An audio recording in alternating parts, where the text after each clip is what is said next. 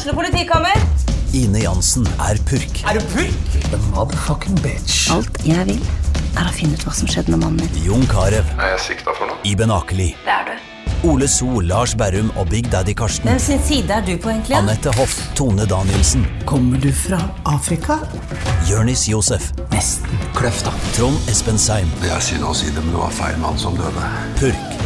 Premiere tirsdag på TV2 Play.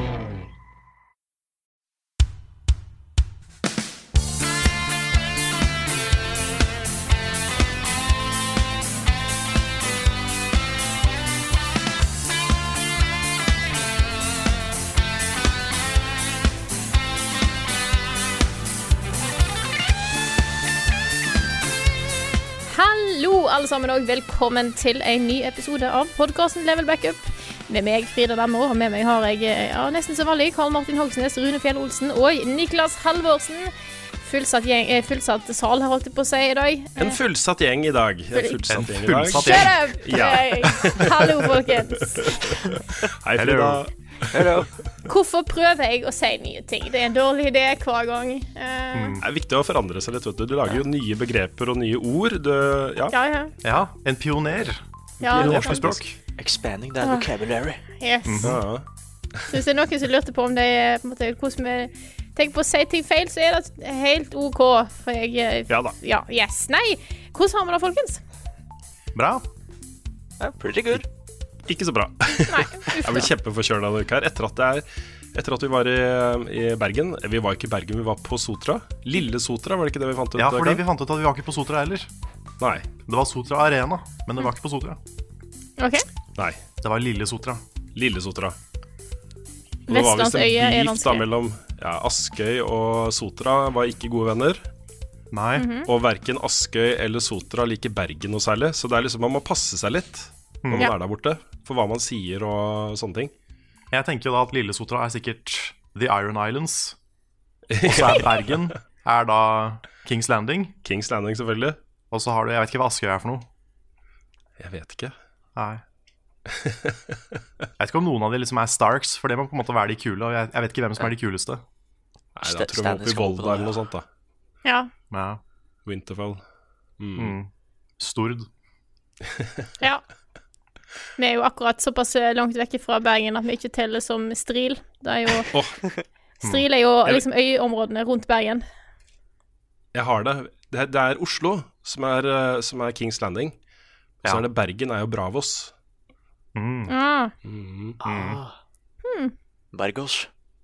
Yes. Bergos. Men eh, det var en fin tur, og apropos det, så, eh, så skal vi ut på tur neste uke også. Da reiser Carl, eh, Karl, Frida og jeg til Tønsberg. Tønsberg og Færder bibliotek, det var det det het nå, ikke sant? Mm. Klokka sju så spiller vi inn denne podkasten live der. yes. Det gjør vi. Var, Så var det gratis inngang? Eller kosta det 50 kroner? Jeg husker ikke. Nei, det husker ikke jeg heller nå. Gå på vente, Nei. det står det helt sikkert. Jeg har søkt opp på Facebook. Facebook. Så vi åpner vel kanskje for spørsmål som vanlig, så folk kan sende inn så vi har noe i backup, men sannsynligvis blir Mm. nok flesteparten av spørsmålene tatt fra salen. Så vet dere da, hvis dere vil spørre spørsmål, kom på biblioteket. Det blir quiz. Mm. Det blir det. Det er da ikke det eneste vi skal eh, ut på i nærmeste fremtid. Um, to dager etterpå, også på lørdag, så stiller vi opp på en AMA på 8chan for å svare på spørsmål fra, eh, fra folk. Hørtes ut som en kjempegod idé. Kjempegod idé. Nei, jeg refererer da selvfølgelig til Philip Broch, som er sjef for eh, den tyske delen av THQ Norgit. Nor Norgit? Norgit. Nordic. Ja, Eh, Norgit er en liten planet ved siden av den gamle Pluto. Ja, Der kan du snakke med the, Norgit, the, the Norgits. Han holdt da en AMA på eh, 8-bit. Det er bare hvor, hvor tonedøv er det mulig å bli? Altså, det er jo helt sjukt. Nå sa du 8-bit. Sa jeg 8-bit? Ja. Nei, vet du hva, jeg har feber. Ja, du jeg må ja, bare det. si at jeg har har feber. Så det kommer til å komme mange sånne utover. Hvor, eh, hvor hadde de en AMA? På 8chan. 8chan. Mm. 8chan. Som det er kjent for ganske mye drit. Ja, det er et sånn, av, sånn avgrunnen i eh, internett, på en måte. Ja, Mm. ikke lurt. Nei. Nei, vi skal ikke ha Amy der.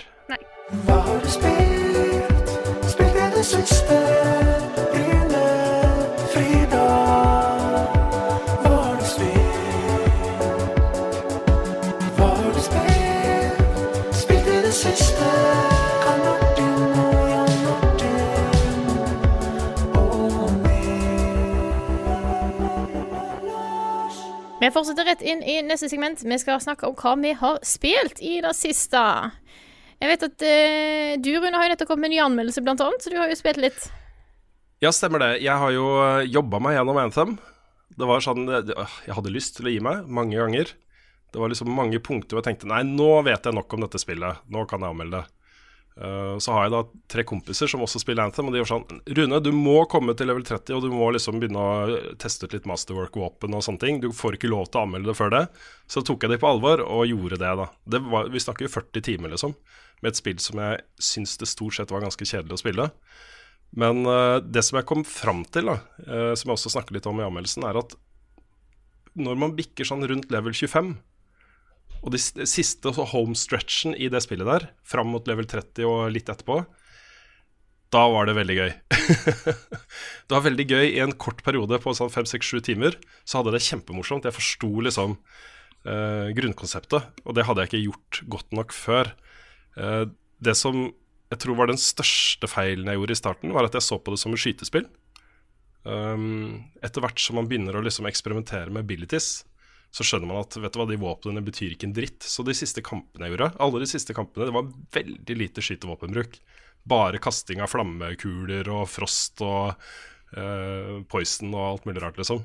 Mens jeg flyr i lufta, ikke sant, som den derre Warlock-karakteren, Storm. Det var, da begynte det å bli ganske gøy, altså.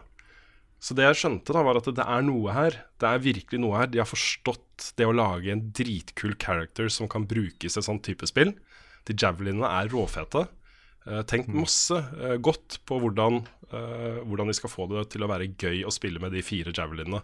Som har hver sine fire veldig sånn distinkte eh, ferdigheter og sånt. da Resten av spillet er ikke så bra, så de har ikke klart å bygge noe bra rundt det. Men det er noe her, og det har, jeg har et visst håp om at det skal kunne komme til å bli bra da, etter hvert. Så, Men det var en uh, interessant opplevelse, det, det må jeg si. Og så har jeg tenkt å ta et spørsmål her fra Sinfor. Jeg vet ikke om vi skal kjøre med musikk og alt. Oi, nei, nå tok du meg på senga. Bare, men mens jeg finner fram musikken, Ja, så kan jeg, så kan jeg spørre om en ting. spør Den der, den der grønne javelinen som du hadde i anmeldelsen, Mm. den gjorde at jeg fikk litt lyst til å spille spillet. For den, var, den så kul ut, og den så ut som Ja det var morsomt å være. Er det, Det Warlocken? Nei, det er, eh, det er eh, Interceptor, tror jeg den het. Ja, ok. Ja, den svarte, den som jeg brukte mest, det er eh, Storm. Men Interceptor er, eh, den er jo utrolig agile og kan bevege seg dritkjapt. Og det er ganske morsomt å spille med den. Og så har du Colossus, som er en sånn svær tank. Som bare, du kan bare deise rett inn i kampene med han. Tar opp et skjold, og så bare meier ned alt av fiender. Og så Du kan bare gå rundt der og peise på, liksom. Og så har du Soldier, da, som er den kjedeligste av dem. Den er liksom mer sånn allround-versjon. Så, Men uh, Interceptor og, og Storm er de to morsomste å bruke det syns jeg, da. Prosit. Thank you. Nå er jeg klar. Kjør musikk. Ukens Sinfor. Flere trippel A-spill ser ut til å bli utgitt før spillet er helt ferdig utviklet, og at spillselskapene da unnskylder seg med, med å fikse alle problemene med en senere patch. Hva tror dere er årsaken til at spill blir gitt ut før det føles ferdig, i stedet for å bruke den tiden det tar å komme med helt ferdig produkt? Og Det var da Trond Borgersen, også kjent som Sinfor, som stilte det betimelige spørsmålet. Det var også noe jeg brukte litt tid på i anmeldelsen. Um, jeg har jo en teori, dette er jo sånne, sånne ting som, ikke, som det ikke er så lett å få bekrefta. og det er ikke bare min teori, det er mange som tenker det samme. Og det er at når man sitter og jobber med den type spill, så er det for det første vanskelig å lage dem. Og så BioWare har brukt seks år på Anthem, og det er dette vi får, liksom. Det tyder jo på at det ikke har vært helt lett for dem å vite hva de skulle gjøre. Um, men problemet når man lanserer den type spill, uansett hvor ferdig de er til lansering, så sitter det millioner av spillere med en smørbrødliste om hva dette spillet egentlig bør være.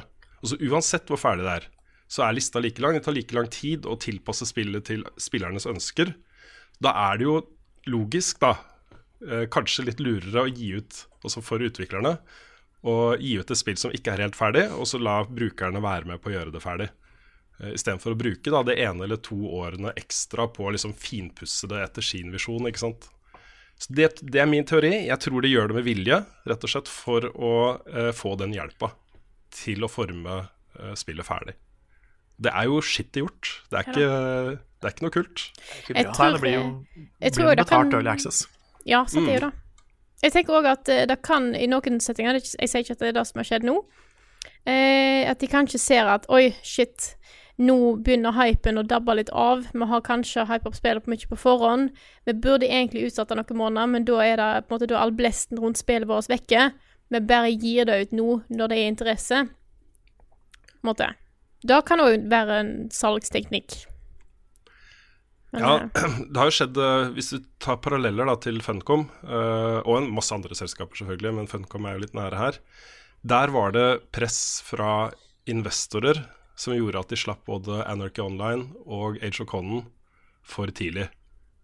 Så de visste at dette spillet er ikke, er ikke ferdig ennå, men fikk et krav fra investorer om at også, Dette her er rykter, da. Funcom har ikke gått ut og sagt dette er offentlig. Ja, dette er ting jeg har hørt, så bare ta det med en klype salt. Eh, Men mitt, eh, min forståelse av situasjonen var det. De visste det ikke var ferdig, de måtte få det ut i den mest mulig ferdige formen til den datoen som, som investorene ville ha det ut. ikke sant? Og Sånn har det nok vært litt her også, med EA som har sittet og sett på dette prosjektet her, som aldri helt finner formen sin. Og tenker at ja, hvor lenge skal vi vente da, på at dette spillet her blir ferdig? Eh, finansåret går ut 31. La oss bare få det ut. Se om det setter seg fast et sted, liksom. Om det får en brukerbase. Uh, om det får en, eh, en dedikert fangruppe som gjør at de kan fortsette å jobbe med det. Og eh, BioWare har jo vært ut på Twitter opptil flere ganger nå og forsikra folk om at det ikke er noe fare for at EA kommer til å skjøtte ned Anthem. Det, det er også noe man må ta med et klype salt, tror jeg. For jeg tror ikke Hvis EA Jeg er først nesten, bestemmer seg nesten for det, redde så- for at de skal skjøtte ned hele BioWare. ja. ikke sant? Det um, Ja. eh, Det, det er eh, en ikke helt utenkelig eh, Et ikke helt utenkelig scenario, det der også. A. Basert på liksom tidligere erfaringer med EA og individuelle studioer som de eier, så, så kan det skje. Men eh, jeg håper jo ikke det, da. Det er noe her, liksom. De eh, tilfører denne sjangeren, som jeg syns er kult. Uh, der hvor f.eks. The Guns var det sentrale i Destiny 1. Det som gjorde at folk fortsatte å spille det selv om det ikke var helt ferdig. Fordi det var utrolig mange fete våpen der, og det var gøy å bruke dem. Både i PVP og PVE, og i Raider, da, ikke minst, Waterglass. Så har Anthem Javelins. Uh, og den måten jeg tror det kan overleve på, er at eh, sånn som jeg kommer til å spille da, jeg kommer til å logge inn av og til, gjøre et mission, se om jeg får noe fett, og så logge ut igjen. Ikke sant? For det, er, det vil være fullt mulig å gjøre det, se om du får noen kule oppgraderinger, eh, komme litt opp i power level, og så vente på mer innhold, ikke sant. Er, jeg tror det er mange som kommer til å spille det sånn nå framover. Greit. Trenger kanskje ikke snakke så veldig mye mer om Anthem, siden det er bare jeg som har spilt det. Hvis ikke du har spilt det også, Nick? Nei, jeg har ikke fått prøvd det ennå. Nei. Nei, det kan være greit å vente. Jeg ga det seks av ti. Det er noe der. Det var gøy en stund, uh, men det er ikke ferdig ennå. Men jeg har også spilt masse, litt for mye Trials Rising, med tanke på at jeg begynte å spille det i går. Etter at anmeldelsen var ferdig av Anthem. Ja. Og det, er- det er litt sånn der, jeg, jeg liker ikke den sammenligninga, jeg syns den er altfor mye brukt, og litt sånn um, uh, ufarliggjøring av uh, noe som ikke er uh, så veldig bra. Men det, Det er det er min, Souls. nei, dette er min drug. Dette er mitt narkotika. Det er bare én bane til, liksom. Den, er, den følelsen er så sterk når jeg spiller disse Trials-spillene. Og ikke bare bare én bane til, liksom, men også jeg fikk bare sølv, jeg må få gull. Og så prøver man igjen og prøver man igjen til man får gull, ikke sant, før man går videre. Jeg blir helt gæren av det. Men det er veldig bra, da. Og jeg liker jo Jeg, jeg har jo likt alle disse Trials-spillene også.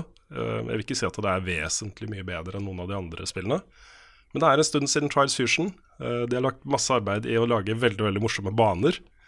Um, og det er gøy. Jeg har spilt en god del timer. Jeg er liksom level 45 eller noe sånt. 45-46. Og eh, har fortsatt ikke låst opp noe mer enn medium. så jeg er liksom fortsatt på de to nederste nivåene, ikke sant. Det ligger et par hard og extreme over der, liksom, som jeg gleder meg til og gruer meg til. Men det er veldig bra.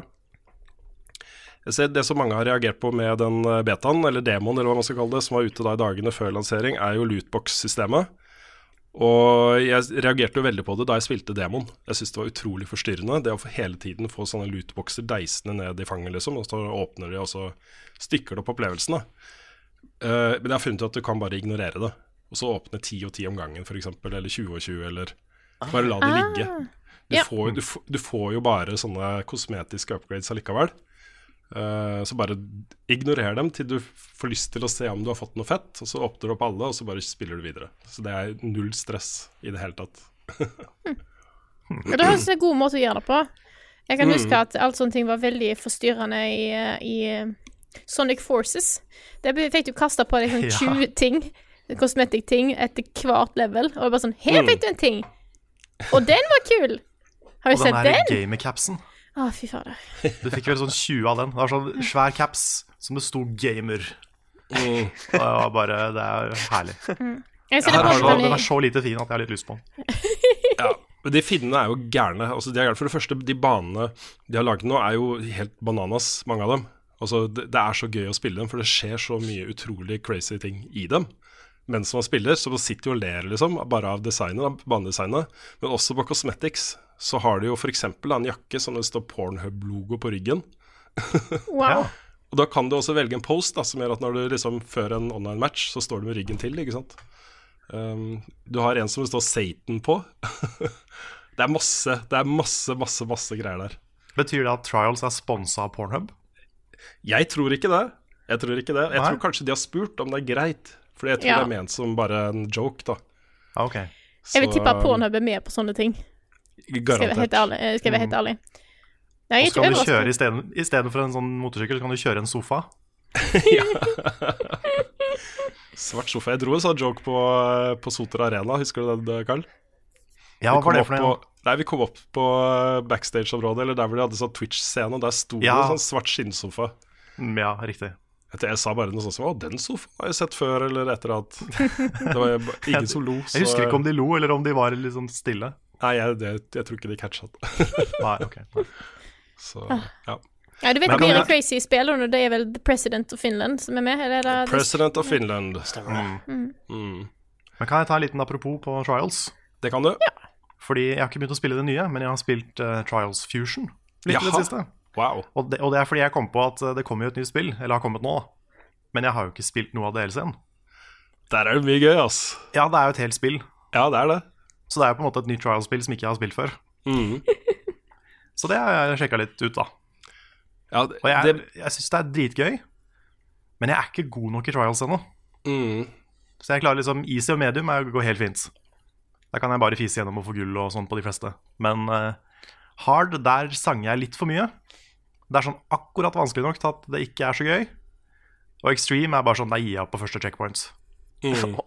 For det er, det er too hard. Ja, Extreme jeg- er heller ikke noe for meg også. Det må jeg bare Nei. få sagt. Nei, for det, det er sånn jeg skulle ønske jeg var god nok til å i hvert fall kunne få bronse på de, Mm. liksom. Men eh, jeg veit liksom ikke helt hva jeg skal gjøre for, for å bli bedre. Jeg har ikke helt lært meg de veldig sånn avanserte movement-tinga. Nei, det er ikke så lett. Det er ikke det, altså. Nei. Men det er, Men jo et sett som, med som mange sier, mer et plattformspill enn uh, en et racingspill. Absolutt. Og det er min ting. Mm. Så det er, det er gøy når, liksom, når ikke det er for vanskelig, så er det dritgøy, syns jeg. Mm. Ja, det, min, min favori, mine favorittbaner i Trials har jo vært siden jeg eh, spilte Det var ikke det første Trials-spillet, det var det andre. Det som het Trials Revolution, var det det? Nei, Trials Ja, Evolution. kan være det. da ble jo hard min, Mine favorittbaner var jo hard-banene.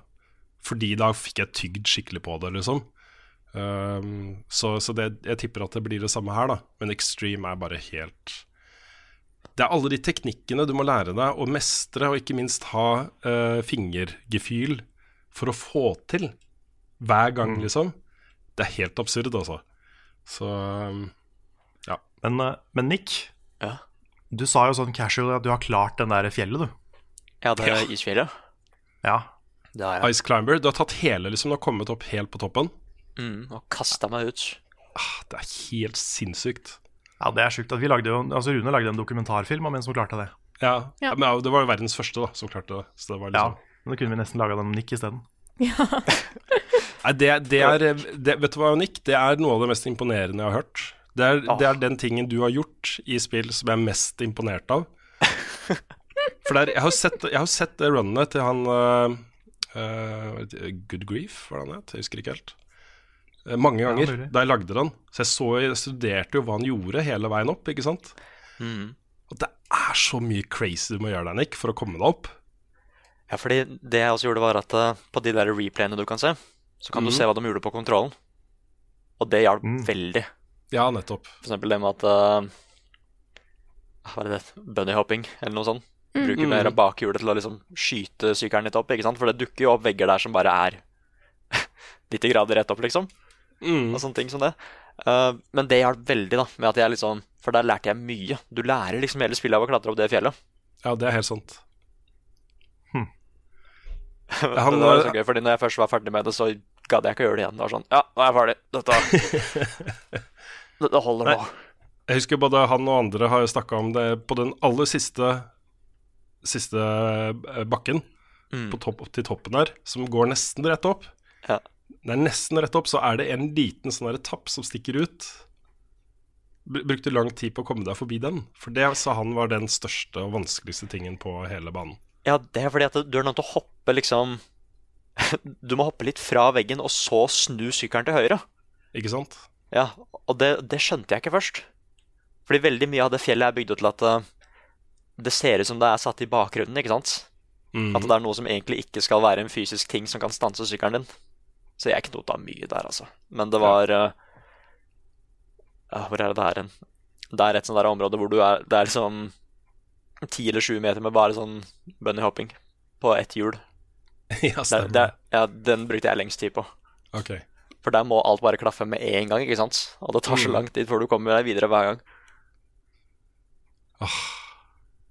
Nei, Jeg kommer nok aldri til å gjøre et forsøk på å komme meg opp der. Jeg tror ikke det, altså.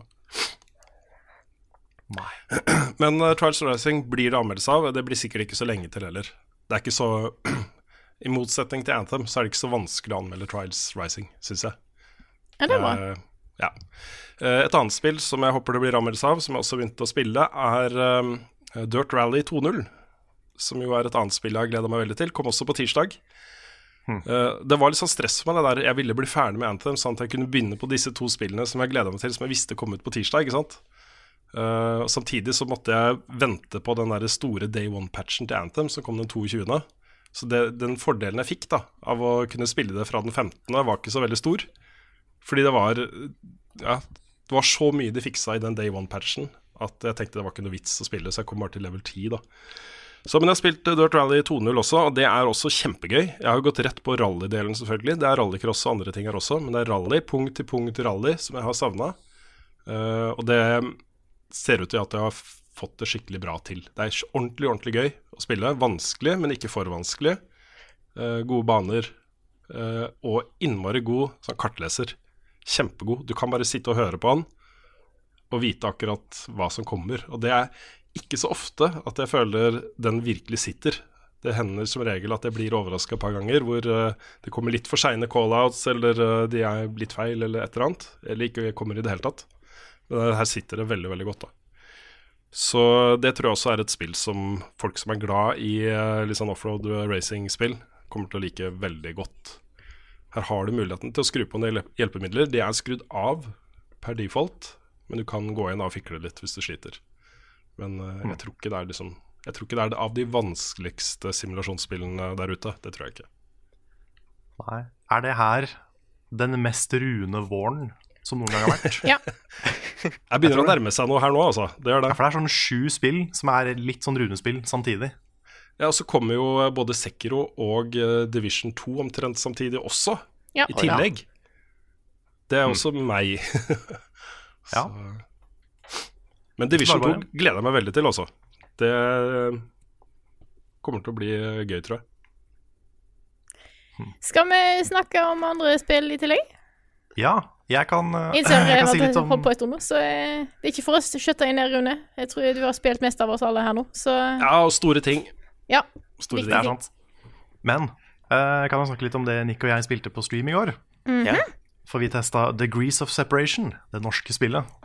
Som også handler om en varm figur og en kald figur som skal navigere et puzzlespill sammen. Akkurat sånn som det vi spilte forrige uke. Som var Pode, Jo. forresten. Men Degrees of Separation var Jeg ble veldig imponert. Mm. Jeg det var for det første dritpent. Bare Altså, det så ut som et sånn Det er- to verdener her. Du har en isverden, som da figuren til Nick eh, befant seg i. Og en eh, litt sånn sommer, sånn varm sommerverden, som eh, figuren min var i. Og så skal man da jobbe sammen, forandre på miljøet for å løse små oppgaver. Mm. Og begge de verdenene er dritpene.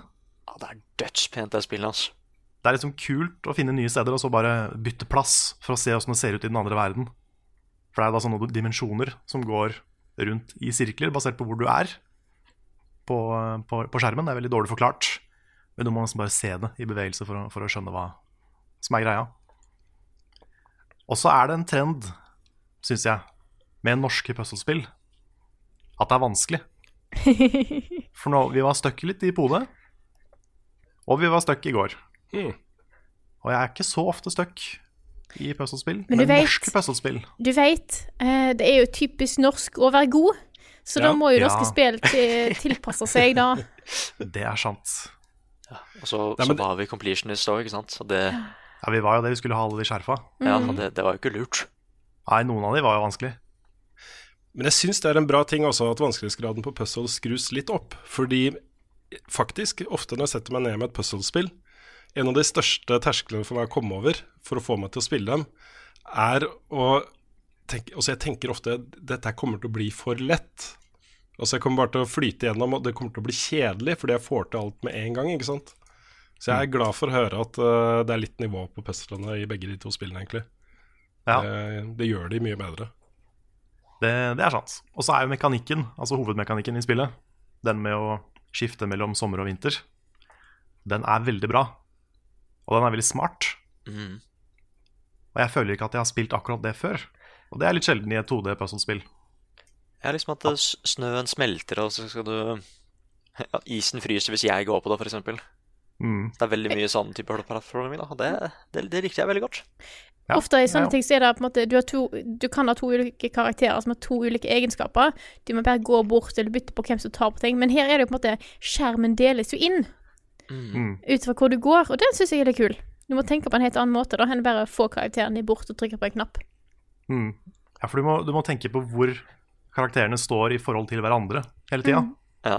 Fordi uh, hvis, uh, hvis Nick da er to meter over der hvor jeg står, så blir jo den vinkelen skrå istedenfor å være rett på midten. Og da har du en skrå sommerverden, plutselig. Ja. Da kan du gjøre noe som du ikke kunne gjort hvis den bare var helt eh, loddrett, ikke sant. Så det er mye sånn Det er mye å tenke på. Du må tenke litt annerledes. Det syns jeg var kult. Mm. Ah, vi knota lenge på slutten, altså. Ja, den siste der. Men vi, det viste seg jo fordi jeg trodde vi cheesa det. Ja. Fordi det føltes som en litt sånn feil måte å løse det på, for det var veldig kronglete. Mm. Men så var det riktig. For jeg, gikk, jeg, gikk, jeg var så nysgjerrig, så jeg gikk og så en YouTube-tutorial etterpå. Er Sånn, hvordan skal man egentlig gjøre det? Og de gjorde det sånn som vi gjorde det. Så enten så har de også gjort det feil, eller så Jeg vet ikke. Men der satt vi lenge, altså. Ja. Det var helt Det var crazy. Ja, Og så hata jeg dem at eh, vi gjorde det riktig først, men bare nei, dette føles ikke riktig, så da prøver vi noe annet. Kommer Mm. tilbake en halvtime senere, faen, det var riktig hele tida, vet du. Vi bare Og så, kom, og så kommer chatten med forslag, men jeg veit ikke om de heller skjønte det. Var det noen som, som skjønte det i Ja. chatten? Det var litt sånn gøy, for jeg så det i ettertid, bare for å se hvor mange som hadde rett. Og Mm. Det var så mange som hadde feil nå! Fordi det var at eh, de trodde at vi kunne styre den der eh, Denne linja selv, ikke sant? Ja. Ja, den var det veldig mange som trodde at ja, hvis du bare styrer linja litt ned, så kan jo Nick gå opp til venstre. Ja, men nei, det funker jo ikke sånn. Fordi Nei, det gjør ikke det. det handler om hvor vi står hen. Det er derfor vi sliter. Fordi det var veldig mange som sa at du skulle bare stå i den der vannpytten, ikke sant? Mm. Og da mente de den greia helt til høyre. Altså den andre puzzlen. Så det var Den eneste som fikk det riktig, var jo den personen som la ut det bildet på slutten. Mm. Ja, For det bildet skjønte jeg heller ikke, men det er kanskje fordi jeg var sliten i huet. Ja, vi, vi ofra alt oss på den bussen. Ja, vi gjorde det. Jeg var, jeg var sliten etterpå. Som ordentlig sliten i huet. For jeg jobba så hardt med å klare den siste der. Men det gikk. Det, vi greide oss. Gikk til slutt. Jeg har veldig veldig sansen for Moondrop, da, de gutta i Moondrop. Det er to stykker. Jeg har vært og intervjua de et par ganger. Eh, og det forrige spillet deres, Amfora, var jo litt sånn visuelt i hvert fall i gate med Degrees of Separation. Jeg syns det er Ja, en- enda mer stilisert. Uh, mer kanskje. stilisert, selvfølgelig. Uh, litt mer abstrakt, kanskje. Um, og Degrees of Separation er jo et multiplattformspill. Det kommer jo ut på PC, PS4, Xbox One og Switch. Um, en ganske stor lansering, og jeg håper så veldig at de tjener litt penger på dette her.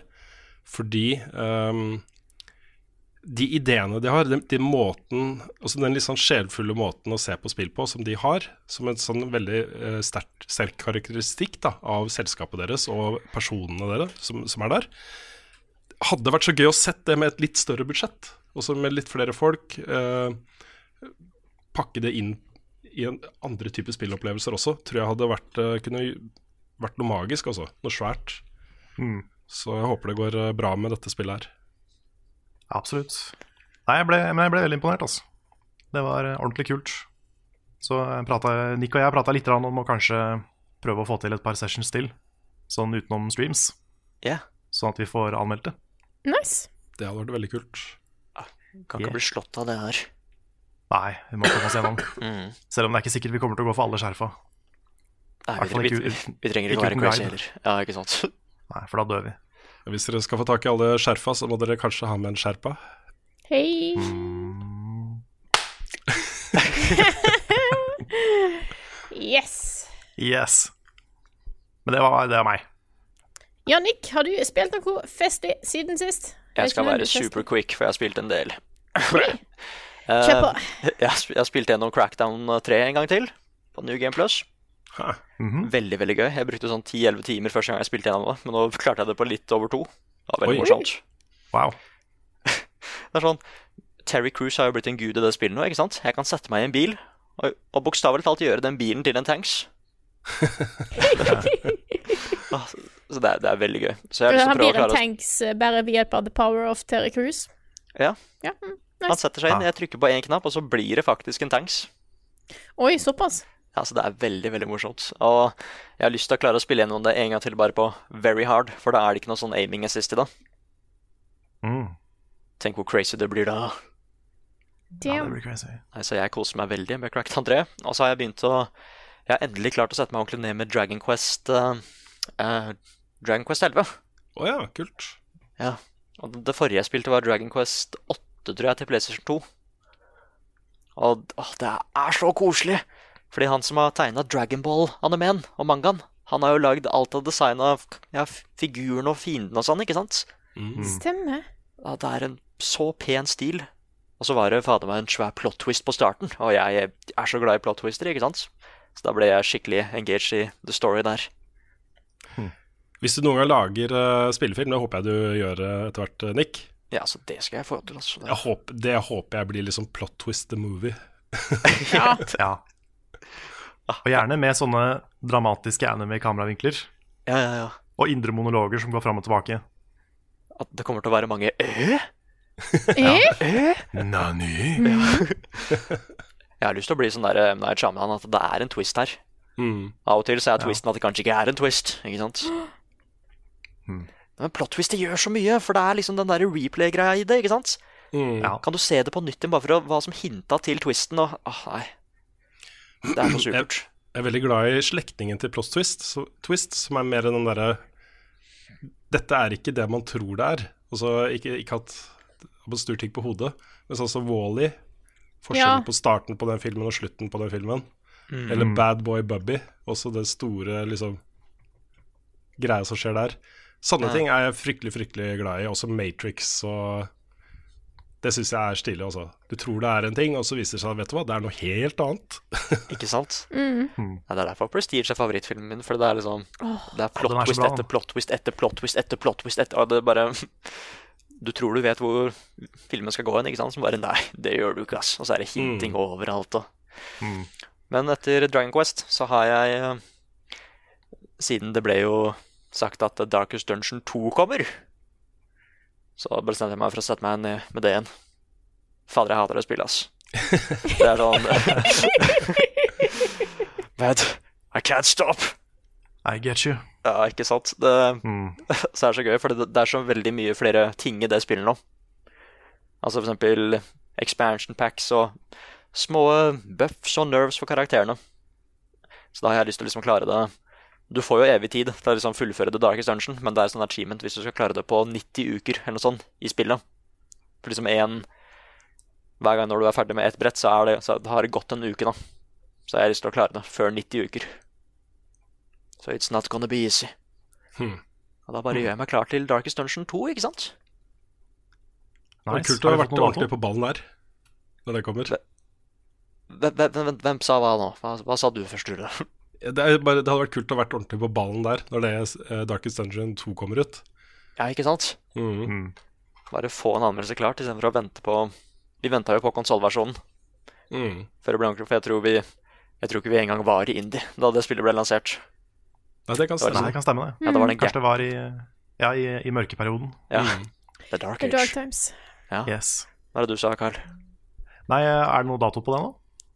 Nei, de har bare sagt at det, Ja, at de liksom skal Det kommer en Early Access-periode, akkurat som det forrige. Men de har ikke sagt når den dukker opp heller.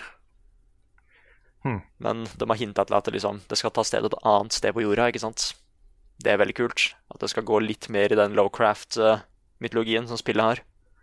Hmm. Så jeg er veldig spent. Kult. Apropos eh, Dragon Quest. Ja. Jeg har jo skjønt jeg også at jeg må få spilt det. Det er, det er så mange som sier at det er veldig meg-spill. Det er så kaldt spill. Ja. Så um, Men jeg vet ikke om jeg burde spille den nå, eller burde vente på Switch-versjonen. For den heter liksom Definitive Edition. Og jeg vil jo spille den Definitive Edition. Ja, for jeg føler at det er et sånt perfekt spill på Switchen, altså. Ja, men det er, sikkert ikke, det er sikkert ikke like pent sånn grafisk på Switch. Men det har jo orkestermusikk, har jeg skjønt, Mhm. og flere voice tracks, Ja. og, og mer story. ja, Japanese voice acting og Ja, så um, ja, det er litt vanskelig å bestemme seg. Det virker jo som den beste versjonen, selv om den kanskje ikke er grafisk like bra. Nei, jeg, jeg tror ikke det kommer til å se så ve veldig mye dårligere ut, altså. For det er det kanskje ikke. det er den er- selvshada stilen, ikke sant? Ja, sant. Ja, nei, kanskje. Kanskje det blir bra. Ja, jeg tror det blir bra, altså. Ukens anbefaling. Hva skal jeg mene på? Ukens anbefaling. Hva skal? Ukens anbefaling. Hva skal jeg finne på? Ukens anbefaling. Hva skal jeg finne på? Ukens anbefaling blir i dag servert av Rune Fjell Olsen. Ja, jeg skal ta den veldig kjapt. Det er ikke vits å snakke så veldig mye om dette her. Men en av mine Altså, uh, Will Ferrell er en skuespiller jeg er veldig glad i, men jeg syns det er veldig opp og ned, de rollefigurene hans. Det er ikke alle jeg syns er morsomme, men når han er morsom, så er han innmari morsom. Og den aller morsomste rollefiguren han har hatt, er Ron Burgundy fra eh, Anchorman-filmene. Særlig første filmen. Ja. Det er helt fantastisk, og det er jo litt fordi jeg er også journalist, ikke sant. Og de tingene han tuller med, er sånne ting som treffer sånn ekstra hardt, da. Um, min anbefaling er ikke Anchorman, men det har kommet en podkast som heter The Ron Burgundy Podcast med Will Ferrell.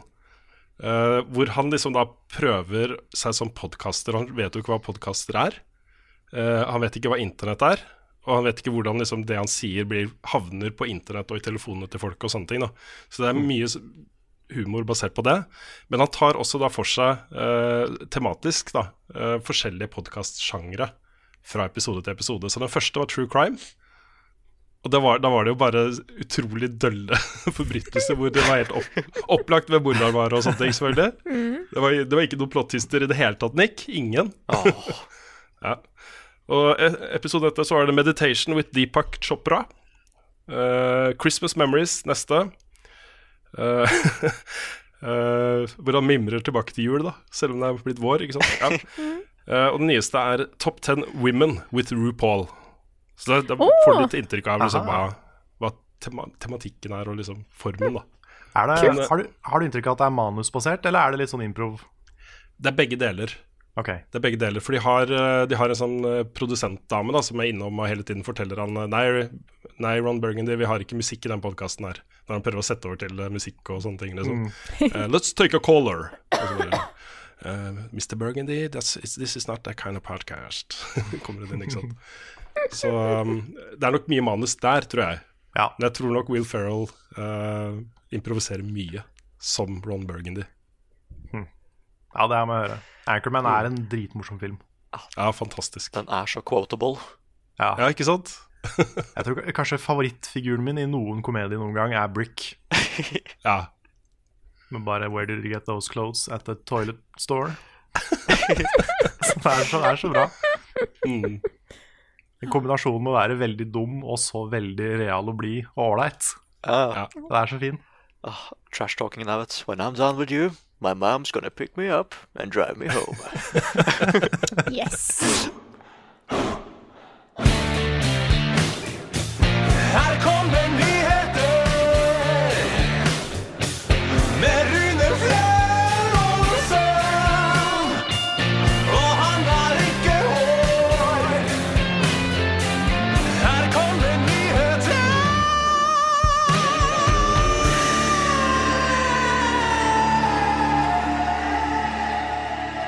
Ja, her kommer nyheter med Rune Fjell-Olsen. Oh yeah. Uh, vi må jo begynne med uh, uh, avdukingen av eh, det nye Pokémon-rollespillet. Pokémon Sword og Shield. Med da tre nye starter Pokémons, som er eh, Groggy, Score Tummy og Wobble. Det var tre av tre Nesten feil. riktig. Det var nesten riktig. Nesten riktig. Hva var det første du sa? Groggy. Groggy? Ja, det, det er en Pokémon jeg har lyst til å se. Bare en veldig trøtt, en trøtt Pokémon. Okay. Ja. Ja, vet du hva, jeg, jeg beskrev dette her som en uh, liten joke, uh, så jeg vet ikke hva det egentlig heter, men det rimer jo da på de tingene jeg sa. Ja, det, det stemmer. Mm. Ja, Jeg har ikke sett uh, Directen heller. Jeg tenkte at det kunne dere få lov til å fortelle litt om. jeg tror vi har litt forskjellig hype-nivå, kanskje, Ja. av oss, av oss tre som er her nå. Jeg kan si at da jeg så traileren, så var det sånn Dette er akkurat det jeg forventer. Mm. Hvis noen hadde bedt meg om liksom, hvordan ser et 3D Pokémon-spill ut, så er det det. Og det er ikke da at det er noe negativt heller, fordi at det er på en måte det er det jeg på en måte så for meg. Sånn at det er noen personer, fordi at jeg, visste, jeg skjønte tidlig dette kommer ikke til å bli en Breath of the Wild Pokémon-greie. Mm. Så jeg er ikke skuffa, som jeg tror mange er. Så jeg, jeg vil bare Jeg syns det ser kjempekoselig ut. Og Jeg har lyst til å spille det. Jeg vil se mer. Ja, da, Yes. da er vi ikke så forskjellige likevel, for det er akkurat det jeg skulle si. Da tok jeg den fra deg. Ja, ja nei, men jeg er helt enig. Det, um, det var akkurat det jeg trodde det skulle være. Men jeg liker settingen. Og det, Settingen er fin. Det, det er jeg veldig glad for. Fordi jeg syns Jeg likte Sun og Moon veldig godt. Men spesielt etter jeg måtte spille gjennom Ultrasun og Ultra Moon, så var jeg ganske lei av uh, Alola og tropiske settinger. Så jeg er veldig klar for en uh, England. Embrace. Mm. Vi har snakka litt uh, her i podkasten og oss imellom om at kanskje det ble liksom en sånn Breath of the Wild, også en reimagining av hva Pokémon kunne være som et stort rollespill. da. Jeg syns det er litt synd da, at ikke de tar en større risk, Mm. Det, her, det hadde vært et bra, en bra anledning å gjøre det på. Ja. ikke sant? Men jeg forventa det aldri, fordi dette er liksom en serie som man feirer at man kan gå diagonalt i det nye spillet. Så det er, sånn, det er, det er små Det er små babysteps hver gang. Ja, nettopp. Og de har jo til og med tatt et uh, Gymmer er visstnok tilbake nå. Oi. Så de, de, liksom, de lekte litt med å fjerne gyms, men nå er de tilbake igjen. Så det blir det nok et ganske tradisjonelt spill. Men det var jo noe annet nytt, var det ikke? Som de har hatt med? I det nye? Ja. Uh, ja, nei, jeg vet ikke. De har ikke sagt, så- de har ikke sagt så mye ennå. De, de sier at de har nye ting. Ja. Men de har vel ikke kommet med så mange eksempler ennå. Nei, det er vel det jeg sitter og tenker på, da. At jeg prøver å finne ut hva det eventuelt kan være. Mm. Men mappet er kult. Ja. De agree. viste jo hele, hele Gal Galar-regionen, Mhm. som hadde ganske mye kult i seg.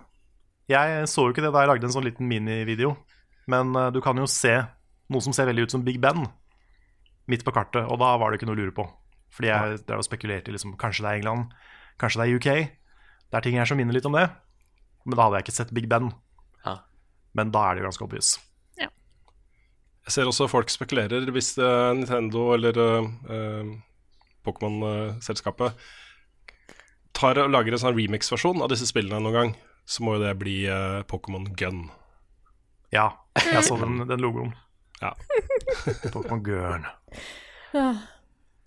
Nei, men jeg gleder meg. Jeg ser fram til å spille et Pokémon-spill som jeg slipper å spille på en liten skjerm. Mm. Ja, ja, det blir da å sitte hjemme i sofaen og spille Pokémon, for det var veldig digg med Let's Go. Da gleder jeg meg til. Mm. Hvilke Pokémon velger velger dere, da? Ja, for det, det er en ting. Ja. Jeg tror vi er på hvert vårt lag. Ja. Så, Det, er, det, er, ja. det jeg tenker på, da, eh, er at det er egentlig litt uh, trist, syns jeg. uh, at du alltid velger feil Pokémon, Carl. Ja, jeg, jeg syns det er litt uh, trist at jeg alltid blir beskyldt for å velge feil Pokémon av den som velger feil Pokémon. Jeg føler at det er to forskjellige mennesker, da. Ja. Ja. De som tar feil, og de som valgte Sobol. Som er vannpokémonen. Ja, take that. Ja. Them's fighting words. ja, nå tenker jeg at dere føler dere er dumme, altså. Ja. Ja. Men da kan vi ha sånn, der, eh, sånn kommentarfeltkrig, vet du. Mm. Fordi vi er, hver- vi er hvert vårt team. Jeg er Team Grookie, som er den Jeg- veldig fine grønne, grønne gressapepusen. Det er ikke katt. Det er ingenting Jo, med den som ser ut som en katt. Jo, det er Nei. litt katt. Nei. Men den står på alle fire, og så har den sånn, sånn kattehale. Og sånn katteøyne. En apekatt. Det En er apekatt-katt. Nei, OK, Jo, men greit. men- Sure. Ja, jeg, jeg syns det. Det er, litt, det er litt pus der. Ja. Trash-talkingen begynner allerede, ass. Ja, Jeg Frida, med selvfølgelig- har jo Bunny i navnet, til og med. Skubbunny, ja, det er, det er helt greit. Det er kanin. Og det er en fire-pokémon.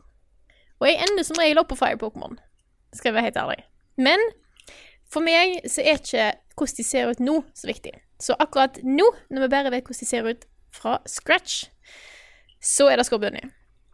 Hvordan eh, resten ser ut, vil avgjøre veldig jeg, eh, hva jeg velger. Ja, for det er tingen. For man kan nesten vedde på at en av disse her kommer til å bli en sånn rar muskel-Pokémon. Ja, Ah, jeg liker ikke det, altså. Nei, sånn som Litten var veldig fin. Ja. Men Incineroar er jo bare en wre- wrestler. ja. Den er ikke noe fin i det hele tatt. Så det, det Jeg også venter litt i spenning på det. Jeg håper at de uh, Evolutions er fine. Mm. Jeg gjør det. Men hadde du en liten uh, Jeg har det, vet du. Ja. Jeg tenkte vi kunne gjøre en litt sånn morsom ting. Siden, uh, siden vi er tre stykker med meninger om Pokémon her, og én som ikke har så mye meninger om Pokémon. Ja. Uh, Så jeg har funnet fram en link til, til Rune, først og fremst, sånn at Rune får et, en visual aid. Jeg tenkte vi skulle gå gjennom hver eneste startergenerasjon og si hvem vi velger. Ah, ja. Ok. Og da inkludert Rune, som bare, basert på utseende, skal velge hvem, eh, hvem som er best. Mm. OK. Ready? Jeg kjenner okay. noen av disse Noen av disse, da. Ja, de første, kanskje. Ja. De, Det stemmer. de, de har du sett før. Ja, alle sammen. Ja, men det er bra.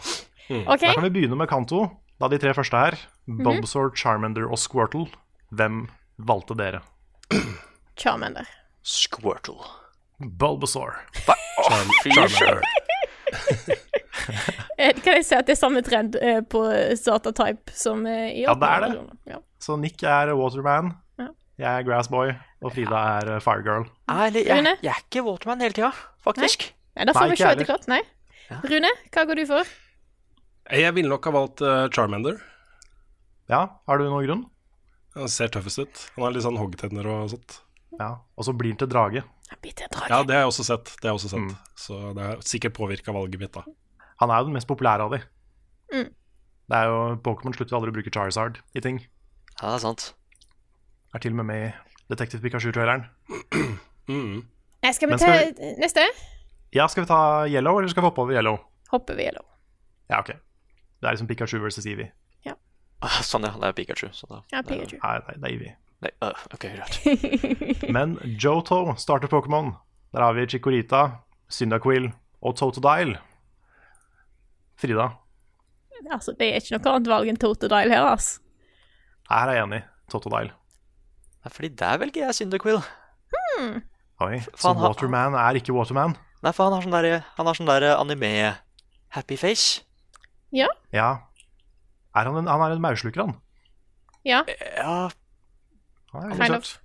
ja jeg liker alle de tre veldig godt. Mm. De er fine. Hva sier du, Rune? Nei, Hvis jeg skulle valgt bare fra de bildene her, så ville jeg også tatt Cyndaquil, fordi han promper jo ild. Ja, Egentlig så er det på ryggen hans, men du kan jo tolke det sånn. Ja, Ja. Det ser jo sånn ut på bildet. Ja, ja det er. Det er jo noe av det beste egenskapen eh, man kan ha, tenker jeg da. Ja, så hvis du er flink, så kan du lære å fly. Mm. Ja. Jeg, jeg, hvis jeg, hvis eh, jeg også kan nevne da på Yellow, så ville jeg også valgt Pikachu. Fordi jeg har sett uh, Pikachu i aksjon, da Han er jo en, en, eh, en Ark Warlock, basically, i fight. Ja, det det alle er de lina ja, som er skyter ut og sånt. Det er veldig tøft å se på. Er er Ivy det, eller? Nei, det er det. er Men ikke. Ivy, du har, ikke, du har ikke sett alle evolutionene til Ivy, For de er kule, altså. Ivy er jo ikke en detektiv engang. Nei. Nei, men den trenger ikke å være det. For den løser alt før den trenger å tenke på det. Åh, touché. Skal vi ta generasjon tre?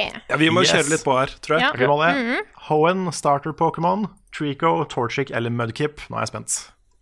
Torchic. Ok, Nick, For det er jo Trico som er best. det er Mudkip som er best. Hva er det som skjer her? Det er sånn, Men se på Mudkip, se så glad han er. Ja, han blir jo bare en svær, svær sånn rar greie. Ja, det blir jo av de andre òg. Nei. Torchic? Kobusken? Ja, den er rar. Nei. En, en, en bøff kylling. Ja.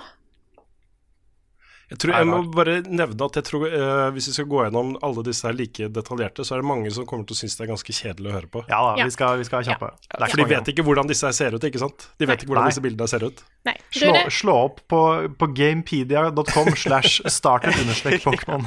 Men hvem For velger du, fulgt oss. Nei, der er jeg også på Team Nick, Trico. Ja, ikke sant? OK, neste. Vi Vi er på generasjon fire. Mhm.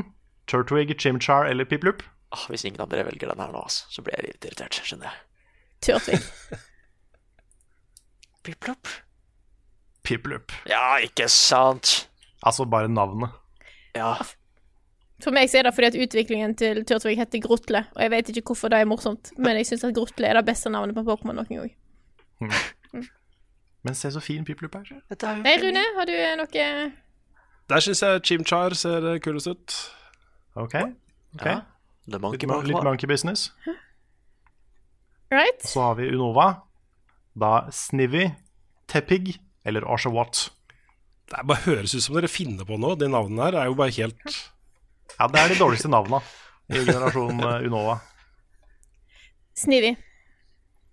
Arsha Watt. Ja, Oshawott valgte jeg, ja. Nice.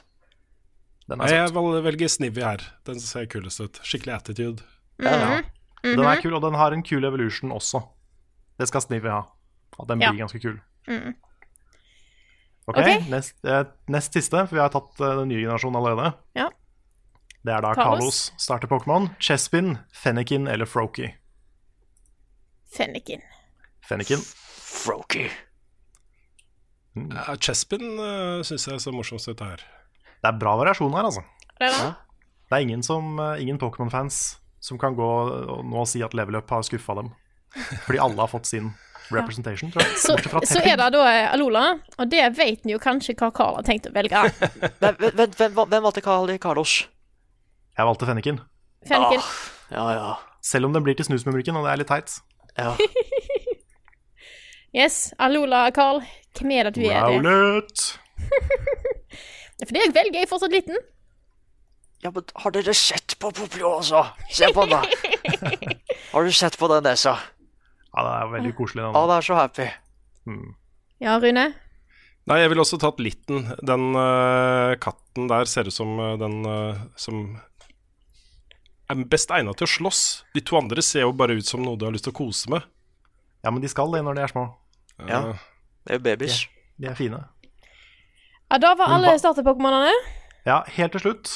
Hei. Hva er den beste generasjonen med starters? Tre. Andre. Ja, For meg står det mellom andre og Alola. Men det er fordi jeg liker både Rowlet Litten og Poplio. Ikke Det tre, altså. det er en bra generation. Nei, Skal vi slå en liten strek over Pokémon for denne gang, eller? Jeg tror da. Ok, ok. Det er, det er ikke, jeg prøver ikke å liksom disse Nei, jeg er helt enig. her, Men det blir mye Pokémon nå, tror jeg. Det gjør det. Men det er sånn Pokémon-ting. Det er kanskje enda mer Pokémon etterpå, til og med. Ja, Det er sånn det føles for de som eksempel ikke har spilt Red Dead Redemption 2. Ja, da, jeg, jeg skjønner, jeg skjønner. jeg skjønner Så ta den. Nei da, det er helt greit. Nå eh, hopper vi videre til neste punkt. Hva er det, Rune? Ja, i, eh, på E3 2004 så kom det en ny sjef for uh, Nintendo Amerika på scenen og introduserte seg med følgende uh, legendariske sitat. My name is Reggie. I'm about kicking ass, I'm about taking names, and we're about making games. Slik entret da Reginald Fizame Fizame? Fizame, Fizame tror jeg. Fizame, Fizame, tror jeg det ut- uttales. Fizame, ja. Ja. The Reginator. Reginator eh, tok over uh, sjefsstolen i uh, Nintendo America eh, i 2000 og Det var vel egentlig Han begynte i Nintendo i 2003, eh, men jeg tror det var i 2004 han ble sjef for hele greia. Liksom. Han var marketingsjef først. eh, kom fra masse sånne store marketingposisjoner. Nå har han, skal han pensjonere seg. Han pensjonerer seg da i april. Trekker seg fra eh, stillingen i Nintendo. Eh, 61 år gammel. Det er visst en vanlig pensjonsalder i USA, etter det jeg har forstått. Er han ikke 57? Ja, jeg tror det var snakk om 61, men det kan hende at jeg blander saker her nå. Jeg kan ta og sjekke opp mens vi gjør det. Eh, uansett, den æra er over. Uh, det er jo utrolig funny da at uh, han som tar over jobben hans, heter Doug Bowser. Det er jo bare det helt hysterisk festlig. Hvor mye av karrieren hans har han å takke det navnet for, lurer jeg på. Ja, det lurer jeg på også, for han, jeg, han virker som en veldig morsom og omgjengelig og, og hyggelig fyr. Det kan jo hende at liksom, han har blitt dytta oppover i systemet fordi han også heter Bowser. Ikke sant? Jeg kan nevne at Reggie er født i 61, men han er Født i 61. Greit. Tidlig å pensjonere seg, kanskje. Det er sikkert ikke det siste han gjør. Han kommer sikkert til å sitte på masse sånne boards. Han er jo en uh, markedsfører av utdanning. eh, og kommer helt garantert sikkert til å sitte i masse styrer rundt omkring, og komiteer og alt mulig rart. Som han sikkert tjener mye mer penger på enn å jobbe i Nintendo. Det er sikkert mange som hører på, som først og fremst husker Reggie fra liksom Nintendo Directs og så, sånne ting. Men Reggie i starten, han var ganske edgy. Sånn, Ja. han, han var jo nesten på nivå med liksom gamle Sega Mega Drive-reklamer som bare gikk rett i strupen på Nintendo. Ja. Det var, det var shit-talking av PlayStation og Xbox. Altså. Ja, han, aldri, han balanserte alltid på den grensen. Jeg føler aldri at han gikk helt over den grensen. Men han var jo et resultat av at, eh, at i 2003, på E3 2003, så fikk Nintendo utrolig mye kritikk for at de var så fordømt kjedelige på E3. Og det var litt den derre litt den derre uh, lugne, seriøse firmakulturen som gjennomsyra alt som liksom Nintendo var da på den tida. Det var sånn de skulle fremstå utad, ikke sant? Så det han innførte med sin markedsføringsbakgrunn, var jo det å løfte Nintendo til litt den der kulhetsgraden, at de kunne konkurrere på lik linje der, da, med Sony og Microsoft, ikke sant. Eh, jeg tror uten den innsatsen han hadde gjort der, så, så ville Nintendo uh, fått, mye, fått ganske store problemer i markedet, rett og slett. Men jeg vet at blant annet den der setningen altså, altså We're about making games og alt det der, det var jo ikke hans idé. Jeg tror han var litt imot det, men han ble liksom overtalt til å gjøre det. Det viste seg jo å funke ganske greit. Ja. Det var nok uh, Hvor den ideen kom fra, det vet jeg ikke, men uh, jeg tror det var en styrebeslutning om at Nintendo trengte et imageskifte. Det tror jeg det var. Jeg tror ikke det var Reggies idé. Nei. Nei, han ble, han ble litt frama litt som en sånn wrestler i starten, ikke sant? som kommer og skal ordne opp. Ja. Det er jo en persona som man har uh, omfavna mye eh, i ettertiden. Mm. Så um... Men han har blitt mye snillere. Eh, Det var, først, det var de første åra han var veldig på. mm, Men et, etter hvert så har han vært litt mer sånn en del av den koselige Nintendo-familien. Ja det er sant, det. Jeg, eh, når jeg tenker Reggie, så kan jeg bare huske My Body Is Ready. Det er på en måte Ja. Mm. Og der skal han, skal ha cred for at han omfavna den memen og ikke prøvde å liksom skjøtte det. Ja. Ja, det var vel da han introduserte WeFit på scenen på etere, tror jeg. Ja, ja han skulle komme på scenen og hjelpe til noe greier. Ja, stemmer. Jeg var jo i salen, jeg. Da, på E3 2004 så satt jo jeg i salen og hørte han si disse berømte ordene. Så det er en sånn ting som er litt morsomt å huske på. You were there. I was there. Ja. Vi fortsetter med litt mer Nintendo. Det går et rykte eh, om at Xbox GamePass er på vei til Switch, og at det vil bli annonsert nå i løpet av året. Da er det rareste. Jeg tror, Hvis noen hadde sagt det til meg i fjor, så hadde jeg tenkt eh, nei. Ja, men Nei, jeg sa dette- nei. til deg i fjor, Frida. Ja, du gjorde sikkert det. Ja, men jeg snakka om det. Jeg, jeg tror jeg, det jeg har sagt lenge, er at jeg tror en mulig ny generasjon for Microsoft er å se på Xbox som en plattform, og få den inn overalt. Og eh, det er derfor jeg tror litt på dette ryktet her også, fordi eh, Microsoft og Nintendo har vært litt sånne buddies i nå, i den crossplay-krigen mot Sony. ikke sant? Sony som den sånn overbeskyttende 'ikke kom her og kom her', liksom. Mens Microsoft og, og Nintendo har vært sånn 'ja, det kan vi godt, og vi er venner', og sånn, ikke sant. Så, men eh, i praksis da, så vil det jo f.eks. da kunne bety at man kan spille Halo på Switch, og det er en ganske heftig greie, hvis det stemmer. Ja, da hadde det vært interessant, altså. Mm. Mm. Det hadde det. Men, men da via streaming, mest sannsynlig, da. Altså, eh, jeg, jeg vil tro da at det vil være eh, litt både og. Jeg tror de titlene som er spesifikt utvikla for Xbox og arkitekturen der, nok vil være streaming. Eh, mens multiplattformspill kanskje vil være en kombinasjon eller være mulig å laste ned. Da. Mm. Så, For har jo, Switch har jo drevet litt med sånn streaming av spill i Japan. mm, Du kan jo streame bl.a. Assassin's Creed og Resident Evil 7, vel? For å få de til å funke på Switch, så kan du streame de da via en bra connection, i stedet for å laste de ned. Ja. Kult. Og det skal visstnok funke, men det blir jo da litt input lag, vil jeg tro. Ja. Ja, da må det nå være. Det vil jeg tippe. Vet ikke hvor mye, men noe i hvert fall. Nei, dette her er jeg spent på. Jeg tror det er en uh, kul ting. Og Xbox å er en megabra tjeneste, så Ja. Dette her kommer ikke til å skje med det første, men det er jo lett å begynne å drømme om det motsatte. At Nintendo eShop skal komme på Xbox One, Ja. og du kan spille Breath of the Wild på en Xbox One med alle de fordelene det fører med seg. mm. Tror du da? Tror du Nintendo kommer til å gjøre det? Nei, aldri i verden. Men det er bare sånn drøm. Det er en drøm om liksom Tenk så fett det hadde vært. What if? For da har du liksom Du har spillbiblioteket til Nintendo, og du har hardwaren til Microsoft. Det er en bra kombo. det er en bra kombo. Tenk om det blir Nintendo Xbox. Men det er jo liksom sånn Det er en del muligheter her nå som ikke har vært der før, til den type samarbeid. Og det går jo på at arkitekturen i alle disse tre konsollene er jo beslekta nå. De er ikke proprietære systemer som eh, man må utvikle spesifikk kode til. Du kan porte ting fordi det er beslekta, ikke sant. Eh, og da kan man begynne å se for seg muligheten til å gjøre denne type ting. Og derfor så syns jeg heller ikke det er helt utenkelig å se for seg Nintendo som en plattformleverandør også, i tillegg til å være konsollutvikler. Så kanskje. Funcom har kommet med sin eh, årsrapport for 2018. Det beste året i Funcoms historie. Oi. det mest interessante fra den årsrapporten var at de har inngått en avtale med Legendary Entertainment eh, om Dune-lisensen. De skal nå lage tre spill basert på Dune, hvorav ett av dem er da selvfølgelig et open world multiplayer-spill. Eh, Con Exiles-referanse, tenker jeg. Men eh, det er et par andre ting som er interessant der, og det mest interessante der er at de nå også jobber med et selskap som heter Petroglyph, om et strategispill som heter Conan Unconquered. Og de som jobber i Petroglyph, har tidligere vært med på å lage Dune 2, Carl. Åh. Ja, for det det var med en gang du sa Dune, Ja, så tenkte jeg bare please, lag en oppfølger til Dune 22, eller Dune 2000, eller Dune Emperor, de spilla der. mm, Det er de RTS-spillene jeg har spilt suverent mest da jeg var liten. mm.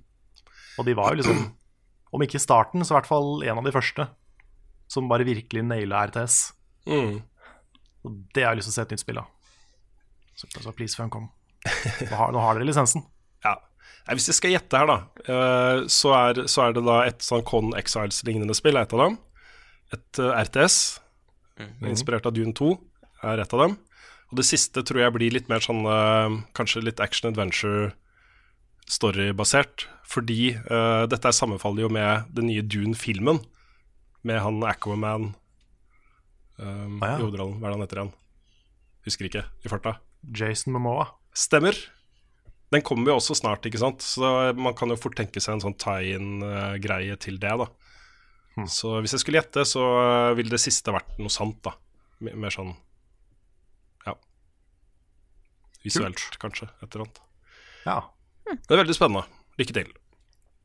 Uh, siste nye sak jeg har satt opp, er uh, fra Fortnite, hvor Epic Games nå har satt av 100 millioner dollar til premiepenger i Fortnite-turneringer for 2019. Omtrent halvparten av det vil gå til eh, det som da heter Fortnite World Cup, hvor det starter ti eh, Det vil være ti ukentlige online-kvalifiseringer som er åpne for alle. Eh, Den første er 13. april, den siste er 16. juni. Så hver uke da, fra 13. april vil det være en open qualifier. hvor det også da er 1 million dollar i premiepott på hver av de der. Eh, og så vil de 100 beste solo solospillerne og de 50 beste duoteamene uh, bli invitert til Fortnite World Cup eh, Finals i New York City fra 26. til 28. juli. Og prispotten der er 30 millioner dollar. Og den som vinner i soloturneringen, får 3 millioner dollar. Å, fy faen. Hvis du kommer dit, så er det garantert 50 000 dollar. Minimum. Ja. Og så er det dollar, liksom. Det er Ja. dollar, ikke sant? Det er dollar. Å, det er så mye penger! Å, Det er så mye penger. Åh. Eh, resten av de 100 millionene vil jo da bli fordelt utover andre arrangører og andre turneringer, som Epic Games står bak da resten av året. Men jeg tror det eventet der, altså Fortnite World Cup, kommer til å bli noe for historiebøkene. Jeg tror det kommer til å bli et sånn der event som kommer til å være kjempegøy å se på, og masse sånn greier rundt og veldig heftig og alt mulig rart. Til, jeg tror det kan være med på å løfte e-sport, rett og slett. Fordi Fortnite er Fortnite. Så um, Jeg håper de får til. en eh, At de har en eh, god eh, Kan du si UI, da, for de som ser på? Sånn at det er lett å Mm. følge med. Det blir viktig i en sånn setting. Ja, og gode kommentatorer. Mm. Og så håper jeg også på at eh, det ikke blir Ninja eller noen av de der som, som vinner, men at det kommer opp ikke sant, en sjarmerende uh, ung gutt eller jente som uh, bare overrasker alle og tar hjem hele greia, liksom. At det blir en sånn Niklas Halvorsen. Niklas Halvorsen. Yes. Det er deg, vet du. Ja, hvorfor tar, ikke, Nick? Tar the money. Hvorfor Jeg ikke, skal Nick? sette meg ned og Ja, Ja. jeg skal sette meg ned og faktisk get a litt good. Ja, det Ja. hadde vært kult. Bli like god i Fortnite som du er på å klatre fjell i Trials. Ja. Da, da har du this one in the bag. Har jeg the potential? Ja, jeg tror det. Kan, kan jeg ta et par nyheter, jeg òg? Ja da. Bare for å, for å bring it back to Pokémon igjen.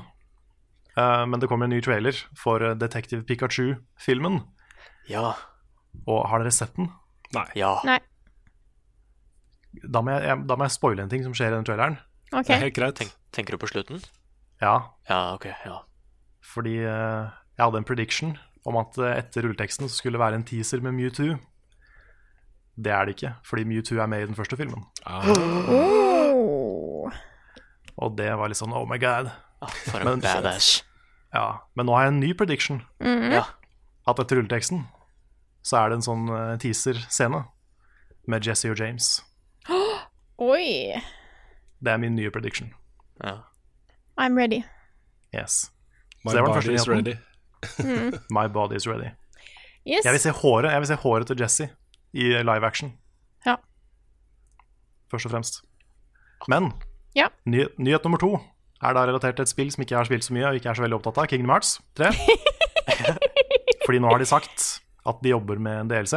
De jobber både med gratis og uh, paid DLC til spillet. Og det kommer ikke uh, Altså alt ekstrainnhold kommer til å komme som DLC. Det kommer ikke noen sånn egen versjon, som som er gjort før, av spillet. Så det er, ikke, det er ikke noen grunn til å vente på en final mix-versjon, sånn som det var før. Det er eh, først og fremst det som har kommet ut. Og så kommer det en critical mode, som gjør spillet mye vanskeligere. Og da mister vi Carl. Kommer Rune sin standup på DVD, eller? Kan jeg selger et guttenavn? Hva er det verste Carl har sett? Hvilket språk snakker Frida egentlig? Hvorfor er Mario rørlegger? Vi begynner i dag med et spørsmål fra Bjørn Magne Bakke, som skriver Dere burde gjøre som alle andre norske youtubere gjør, putte aldersgrenser i starten av videoene. Så viste det seg å være noe som ingen har fortalt oss at var et krav. Nei, så takk skal du ha, Bjørn eh, Magne Bakke, for at du gir oss all denne ekstrajobben. Eh, Ja. nei, det har jo kommet et pålegg fra Medietilsynet i fjor høst, tydeligvis, til alle som driver med innholdsformidling på YouTube, om å eh, legge aldersgrense på innholdet sitt. Um, og retningslinjer, og det er utarbeida nye, altså nye ikoner, aldersikoner osv. Så, videre. så det visste vi ikke. Så eh, når jeg så det spørsmålet, så gikk jeg da på Medietilsynet og søkte litt og fant ut liksom, all den informasjonen som vi trengte for å begynne med det. Så da, nå gjør vi det, da. Ja. Um, håper det går greit. Det står liksom et eller annet på Medietilsynet her om eh, bøter hvis ikke du gjør det og sånne ting. Og det bøter fra Medietilsynet har vi ikke råd til akkurat nå. Nei. Så ja. Åh, nei, så det er bra at dere sjøere kan hjelpe oss med sånne ting som vi ikke vi vet om eller får beskjed om, eller noen ting. Ja. Eh. Nei da, det, var, det, det kommer nå, da. Eh, De, de er jo ikke sånn Altså, det er jo skjønn, og vårt skjønn, i utgangspunktet. Vi kan jo sikkert bli overprøvd på det av noen, men uh, dette handler jo om, uh, om å ta fingeren i lufta. Er det, er det skummelt innhold i den videoen her? Eller er, er det liksom greit? Hva slags type vold er det? Ja, for det, det handler først og fremst om innholdet i videoen, ikke innholdet i spillet vi dekker. Nei, men jeg tenker at vi også uansett da vår, eh, vår eh, De aller fleste som ser på oss, er over 18 allikevel. Over halvparten av de som ser på innholdet vårt, er over 18 allikevel. Så jeg tenker at vi uansett så kan vi følge aldersgrensene på spillene som en sånn rettesnor, da. Mm. Um, jeg, jeg tror ikke vi trenger å gjøre noe annerledes, egentlig, annet enn å bare sette på det ikonet. Uh, tilpasse innholdet vårt til å få et f.eks. et uh, spill med aldersgrense 6 eller 7 eller hva det er nå, til å bli så stilt at vi kan sette A på det. ikke sant? Det, vi, vi kommer ikke til å gjøre sånne ting. Så, uh, så det, jeg, jeg tror det å følge PG-aldersmerkinga der bør være greit innafor, tror jeg. Mm. Så ja. Det var noen unntak der, f.eks. nyhetsmagasiner. Trengte ikke aldersgrense. Ok. Så da er det jo ikke alt innholdet vårt som får det, men eh, i hvert fall anmeldelsen, da. Ja. ja. Riktig. Så hvis vi spiller et veldig barnslig spill, men vi har noen veldig voksne jokes inni der, så burde vi kanskje sette det opp. Ja. Det er akkurat. Akkurat. Det er helt riktig. Så spørsmålet er er Bjørn med i videoen. I så fall er 18 pluss. Ja. Ja, ikke sant? Adults only. Åh. Vi burde lagd vår egen sånn 18 pluss eh, bjørn-ikon. ja. Ja. Det, ja, det har vi ikke lov til, men eh, Nei. det hadde vært gøy. Nei, så da, er, da, da begynner vi med det. Så hvis dere lurer på hvorfor eh, vi har begynt med det, så er det fordi vi må. Mm. Yes. Jeg syns, jeg syns i utgangspunktet det er eh, bra Medietilsynet tar tak i dette her. Fordi det er jo en av de tingene jeg er mest stressa over. Hva slags innhold er det ungene mine ser på egentlig på YouTube? Og jeg ser jo litt sammen med dem og prøver å liksom følge litt med på hva de holder på med. Men særlig eh, eldstejenta har jo blitt veldig sånn setter seg ned med headset og lukker seg inne der. Uh, hver gang jeg sjekker, så ser hun bare på sånne ting, folk som lager slim og sånt, da. Og uh, bygger ting og, og så videre. Men uh, plutselig, vet du, så dukker opp ting som jeg ikke vil at de skal se der. Og det er ja, et greit sted å starte, i hvert fall med aldersgrenser. Da. Det er, heldigvis så har YouTube en sånn snill algoritme som ikke pusher folk med hver, inn på hver og hver innhold. Nei, det er gudskjelov. Gudskjelov. At det er sånn. At, ja. ja. -hmm. Ja. Nei, det, er, det er skummelt, det der, altså. Det er ikke noe lurt å tenke på. Nei, jeg tenker eh, i dag at vi tar et spørsmål hver, men da begynner jeg med et kjapt. som Vi kan ta. Mhm. Vi har fått et spørsmål fra Espen Sandnes Sørensen, som spør hva skjedde egentlig med Audun etter at dere slutta i VG? Er han e-sportjournalist slash kommentator en annen plass i den vide verden? Og han eh, Audun er jo redaksjonssjef i gamer.no, så han Yes. eh, lager jo det var jo han, Jeg tror det var han som skrev den der eh, eh, saken om Reggie slutter, og det er oss som kommer som tar over Ja, faktisk-saken. Ja, stemmer han, det. Ja, jeg tror det var Audun. Ja, så eh, sånne ting er litt festlig. Så han driver jo fortsatt Han lager vel litt anmeldelser og sånt for gamere innimellom òg, så det Mm. Ja, han jobber jo helt i de gamer, og det har han gjort hele tiden. Gjorde han også mens han var uh, e-sport-reporter hos oss. Mm. Var han også ansatt i gamer. Så han har vært en gamermann hele tiden. Ja. Og så har han jo vært med på level up-ting også i det siste. Eller det vil si, Ja, absolutt. eh, jeg har vært med på hans ting også. Vi har jo hatt en eh, Final Fantasy Kingdom Hearts-podkast sammen. Ja. Og så hender det at han dukker opp på stream. Ja. Så det, det, det kommer av og til litt, litt Audun inn i ting vi lager også. Jepp. Nei, da gir jeg en av dere eh, muligheten til å svare på Eller ta opp et Får vi bare ta ett hver også? Nei, jeg tenkte det fordi at eh, jeg må gå om en halvtime, men ellers eh, det, det har lov til å ta flere. Ja, men det er vi innafor uansett, da. Ja, det rekker er vi. innenfor Det rekker vi. Det rekker vi. Så du kan få lov til å ta flere hvis du vil da, Rune. Så du kan få lov til å begynne, for det virker som du er veldig gira på å ta opp spørsmål. Ja, jeg, har et, det, det er kommet så mye bra spørsmål. Jeg har lyst til å bare ta et som eh, ikke er så viktig, da, men som jeg syns var så godt formulert at jeg har lyst til å stille det. Så kan vi Vi må ikke svare på det, men jeg holder å bare lese det opp høyt. Det er fra eh, vår gode venn Martin Herfjord, som har vært med på å lage disse flotte vignettene som vi har i den podkasten her. Det er et dilemma.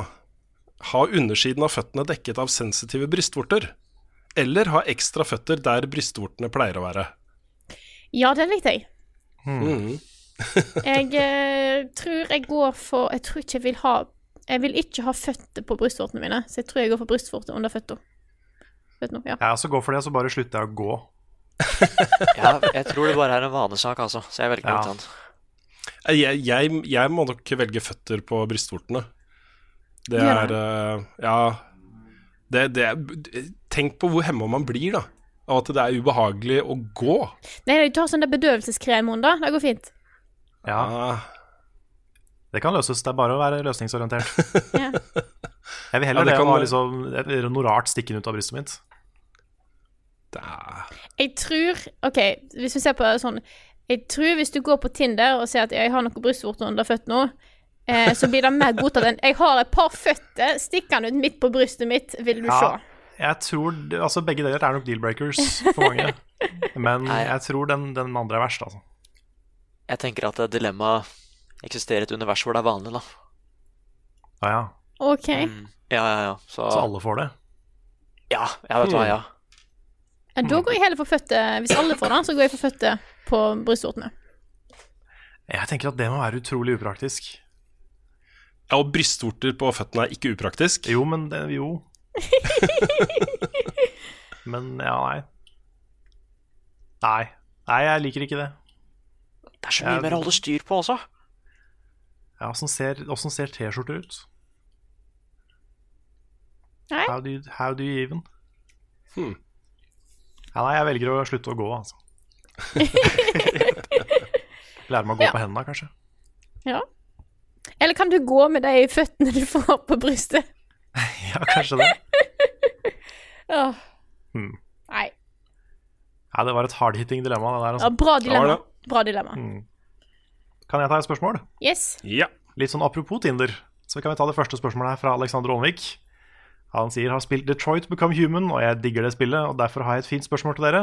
Ville dere hatt et forhold til en androide?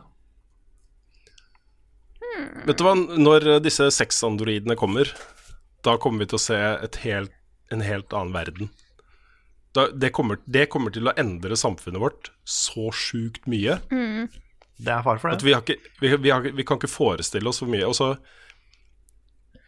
Jeg er helt sikker på at uh, det kommer til å være millioner, kanskje milliarder, av folk som bare Ja, nå, da har de det de trenger, liksom. Jeg tror det kommer til å avhenge av eh, om jeg kommer til å date en androide. Jeg tror det spørs veldig på hvor god AI-en er utvikla. Ja, ikke Eh, sant? Jeg tror nok ikke det er noe jeg kom til å gjøre. Nå er jeg litt committed i et annet forhold i tillegg, men jeg tror ikke Hvis andre har lyst til det, så tenker jeg sure. Whatever flows your boat. Mm. Men jeg er usikker på om jeg kommer til å gjøre det sjøl. Det tror jeg ikke. Jeg, jeg, tenk, jeg tolka spørsmålet som liksom, hvis de var sånn som i Detroit, da. Ah, ja. Fordi de er jo eh, på nesten alle måter vanlige mennesker, bare at de er manufactured. Jeg tenker, Ja, hvis, det jo- hvis det er et vanlig menneske i en androide, det kunne jeg gjort. Mm. For da er det det samme, egentlig. Det er fordi jeg, jeg kommer nok alltid til å ha i bakhuet bare hvor genuint er det. Ja, det er det òg, Liksom. fordi det handler jo litt om konsent, ikke sant? Ja. At kan en maskin velge å si ja eller nei, Ja. for eksempel? Og da kan jo begynner det å bli iffy. lett være programmert til å like meg, liksom. Og da Nei, den er vanskelig, altså. Mm. Det er mye å tenke på der. Så det, Ja. må være, det må være en maskin med fri vilje som har valgt det. Ja. Mm. Men også dette her kommer til å komme, da. Fordi det er, eh, det, eh, ensomhet er et eh, stort samfunnsproblem. Det er mange som er ensomme i samfunnet vårt, og særlig eldre. da, Eldre folk. Ja. Uh, og det var jo også der uh, de begynte å innføre roboter og sånne ting i den japanske helsetjenesten, ikke sant. Uh, og det, det, kommer, det kommer til å bli en kjempeting, det å ha elektroniske companions, da. Det å ha AI-venner som kan holde deg med selskap og Ja. bli en del av livet ditt. Det kan nok hjelpe, men er det nok? Lurer jeg på, da. Ja, men jeg, ja, jeg, jeg tror det, altså. Jeg tror det i hvert fall kan være eh, Ja, jeg, jeg tror det. Jeg tror det. Ja, fordi altså, Det er mange ensomme mennesker som har kjæledyr, f.eks. Mm. Men kjæledyr har jo, det er jo likevel noe ekte. Fordi du har jo det ekte forholdet til det dyret, ikke sant? Um, men hvis det er en maskin som er programmert til å være glad i deg, så vet du det. Så kan Ja, det være at det føles som et ekte forhold for noen, da. Ja, Ja, men det, det er poenget mitt også, for dette her kommer ikke til å innføres som en sånn Her er din nye bestevenn. Det kommer til å innføres som liksom gradvis, ikke sant. Uh, her, her har du en AI-medhjelper i hjemmet ditt som kan hjelpe deg med praktiske ting, som å sørge for at du har bestilt den maten du trenger og bla, bla, bla. ikke sant? Mm. Og så kommer det til å komme sånn drypp, ikke sant? historier i avisene om folk som utvikler nære personlige forhold til disse AI-ene, ikke sant? og så blir de gradvis mer og mer avanserte, og så blir det en sann ting etter hvert. da. Det kommer ikke til å være en bryter som noen skrur på, og så er ting sånn. Nei, Nei altså jeg, jeg tror på det. Altså, det er jo folk som gifter seg med 3DS-en sin allerede. så så det, det er jo en ting som kommer til å skje. Men jeg vet ikke Det er veldig hypotetisk, men jeg tror jeg hadde tenkt veldig mye på at dette er ikke ekte. Ja, samme. Med mindre Mm. det var ekte. Med mindre det hadde kommet så langt at det faktisk var det.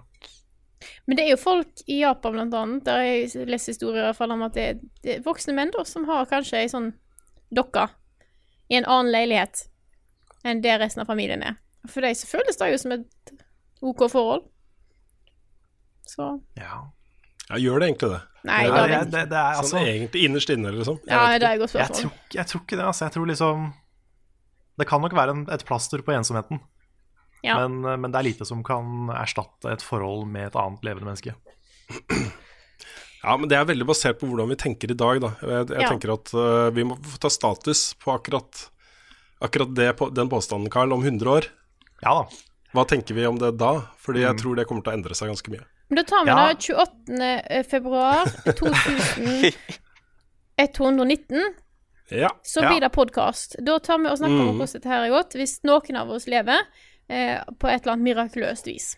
Men ja, men det, men noen det- av oss kommer si, til å leve da. Ja, men, men det jeg også vil si, da, som, som en sånn tilleggspåstand til, til det jeg sa, at hvis kunstig intelligens kommer så langt at maskiner kan velge ting, da er det kanskje annerledes. Ja.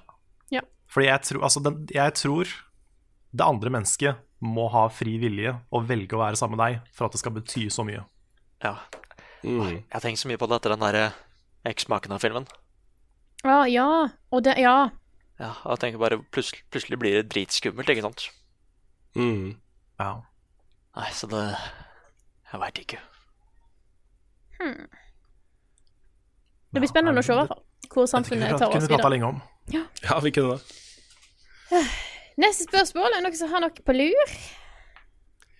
Jeg kan ta et par kjappe. Ja. Mhm. Et fra Thomas eh, Debes. Kommer dere til å dekke Division 2?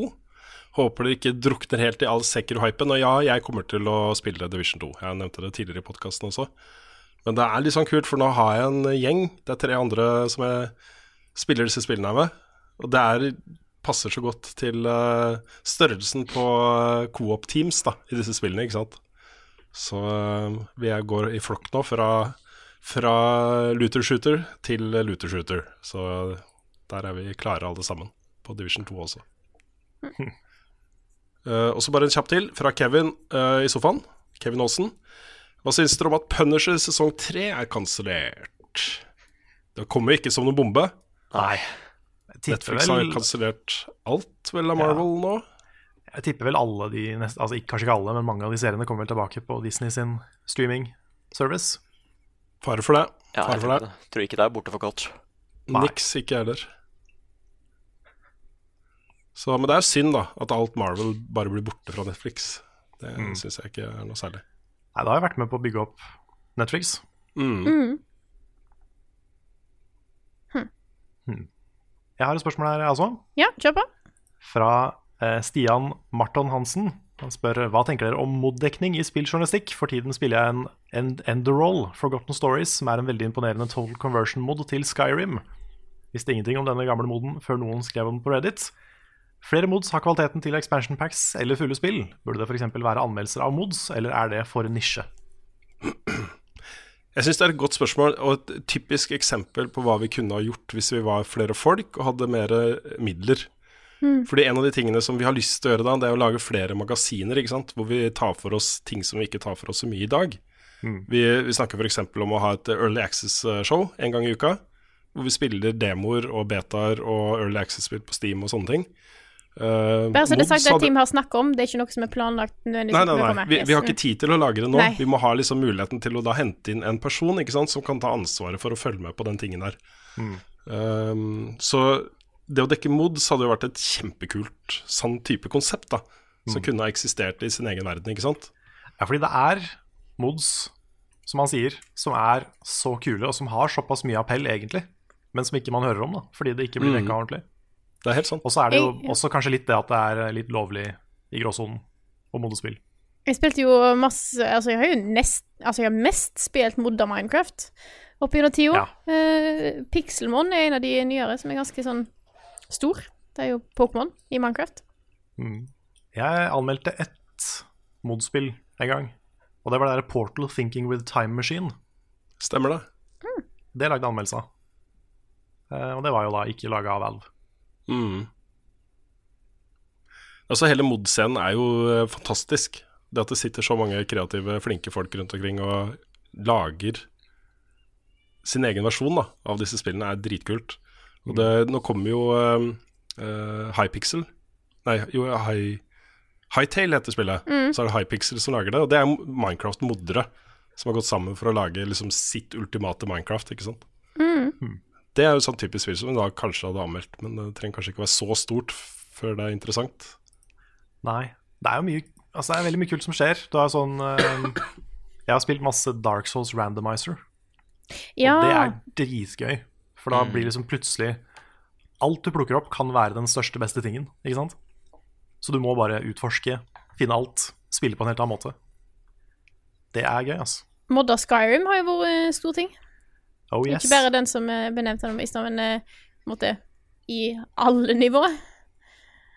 Og folk har laga flere oppfølgere til Mario 64 i, eh, i sånne mod romhacks. Mm. Det også er kult. Det er kanskje noen kule streams der, Ja. potensielt. Vi får se. Men eh, det hadde vært gøy å, å dekke mer mods, altså. Mm. Yes. Jeg ser eh, Jeg har også, eh, Eller var det noe mer vi skulle ta? Jeg kan ta en, et veldig kjapt spørsmål til. Ja. Det er fra Martin Rismo, som spør eh, når kommer Kosekveld tilbake. Det er eh, to lørdager til med Playtron, og så kommer Kosekveld tilbake. Yes. Nettopp. Da er jeg ferdig. Jeg har et par spørsmål som vi kan svare, prøve å svare kort på. Ja. Eh, et fra Simon eh, Simsopp Størkersen, eh, som lurer på om jeg hypa på Borderlands 3. Han eh, sier at det, det er hinta om at det vil bli annonsa nå i slutten av mars på eh, PAX East.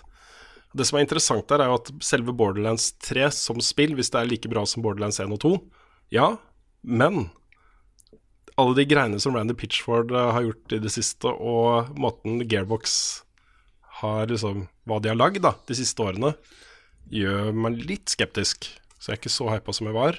Men hvis det, hvis det er like bra som 1 og 2, så kan det bli megabra.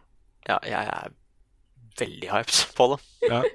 Det første Borderlands er et av favorittspillene mine. Og, Ja, det er kult, altså. mm, så jeg, jeg håper det blir bra, altså. Mm. Jeg begynner å merke potensialet her til en sitcom om CEOs i spillselskap. Liksom Ja, går, gå, rundt og, går rundt og roter bort pornoen sin og, Ja, ja, ja. Ja, ja. og AMAs på hotboards og bare hele Mm. pakka. ja. Og så er jeg bare kjapt fra Eivind Gjertsen, som uh, omtaler disse ryktene om Halo Infinite. Som, uh, som jeg ser blir presentert som fakta i diverse medier. Det er jo bare et rykte. Men uh, det er liksom alle tror det er sant, da. Og Grunnen til at folk tror det, er kanskje fordi det høres veldig sannsynlig ut. Og ryktet går jo på at Halo Infinite vil ha rollespillelementer, og at det vil være mer open world enn det Halo-spillene har vært til nå. Og det som Eivind er bekymra for, er jo at uh, den singleplayer-filen fra de andre Halo-spillene vil bli borte og erstatta av noe som ikke er like effektivt da, for den serien. Uh, det jeg kan si til det, er rett og slett uh, egentlig bare se på God of War. Altså, jeg, jeg tror man kan forvente seg at skal man lage sånn type spill nå, legge inn rollespillelementer, gjør, gjør det mulig å grinde litt og pusle med armor og uh, upgrades og sånne ting. Um, men du kan fortsatt beholde singleplay-filen, selv om du gjør det. Og jeg, jeg tror de skjønner det også, at de må gjøre det med Halo. Du må ha en story her, en bra story. Yeah. Ja. Mm. Da hadde du et spørsmål eh, du hadde lyst til å ta opp, Nick? Eller? Uh, skal vi se det er, Jeg tror ikke det er så veldig langt. Uh, fordi Mie Ramstad har blitt uh, verneombud, er det sånn man sier det? Mhm. Verneombud, ja. Og hun lurer derfor på hva vi gjør for at uh, hva, hva vi gjør for å ha optimalt for kropp og sinn når vi spiller. Ikke nok. Ikke nok. Niks. Hadde vi fått et verneombud inn i Buffkitten AS, så hadde det vært eh, tidenes mest frustrerte, stressa verneombud, tror jeg. Nei, altså jeg tror han eller hun hadde vært veldig fornøyd med åssen jeg gjør det. Ja. Ok. Hva gjør du, Nick? For det er sånn derre eh, eller, eller kanskje ikke så veldig mye når jeg spiller, men når det er snakk om spill som jeg liksom lager anmeldelse til, så elsker jeg liksom bare å tenke at eh, når jeg setter meg ned med det spillet her Jeg må så klart ha litt urge, det, det, det er bare sånn det er. Jeg skal kose meg med det. Men jeg slapper veldig godt av med å vite at jeg ikke kaster bort tiden min på et eller annet. At dette her er jobben, ikke sant? Og derfor så ja, setter meg foran sofaen, bare slapper ordentlig godt av og setter meg ned med det spillet. Men når det liksom kommer til annen jobb og sånn, da bør jeg kanskje bli litt mer aktiv. Ta flere pauser og sånn. Men hvis det bare er snakk om spillingen, så vil jeg si at jeg gjør det ganske greit. Det er der å ta pauser eh, og på en måte Med alt mulig annet òg. Mm. Eh, så jeg merker hvis jeg er litt sånn litt sliten da, og på en måte tenkte kanskje Åh, hvis jeg må, eh, skal jeg jobbe nå, da blir det ikke effektivt, så liker jeg heller å på en måte ta den pausen, sånn at jeg kan få litt energi og være effektiv i den i, for det jeg skal gjøre. Da får jeg føle at jeg får gjort mer, og da får hjernen min slappe av, og så blir ikke jeg helt gal. Yeah. Mm. Jeg har, jeg har tatt noen grep i det siste, da. Jeg har begynt å gå mer turer. Mm. Sånn for å, for å koble av. Og så har jeg bytta til cola uten sukker. Hei. Og det er ikke like godt. Og jeg får litt vondt i huet og sånn noen ganger, så det er ikke egentlig veldig bra. Men det er bare en om, omstilling. Ja. Så jeg må bare mindre sukker. Tror jeg er lurt. Jeg tror mindre cola generelt hadde, er òg en uh... Ja da. Det også. Ja. Men jeg tror liksom Cola Zero er bedre. Ja, det er litt bedre. Det er det. Og så har jeg mindre lyst på det, så da liker jeg mindre. Ja, det er bra. Ja. Vi kjøpte jo veldig mye brus i dag med Både jeg og Petter holdt på å bli ferdig med masteroppgaver og sånt, men da har vi slutta en del med nå. Da merker jeg hjelper litt sånn på sånn generelt søtsug òg. Mm.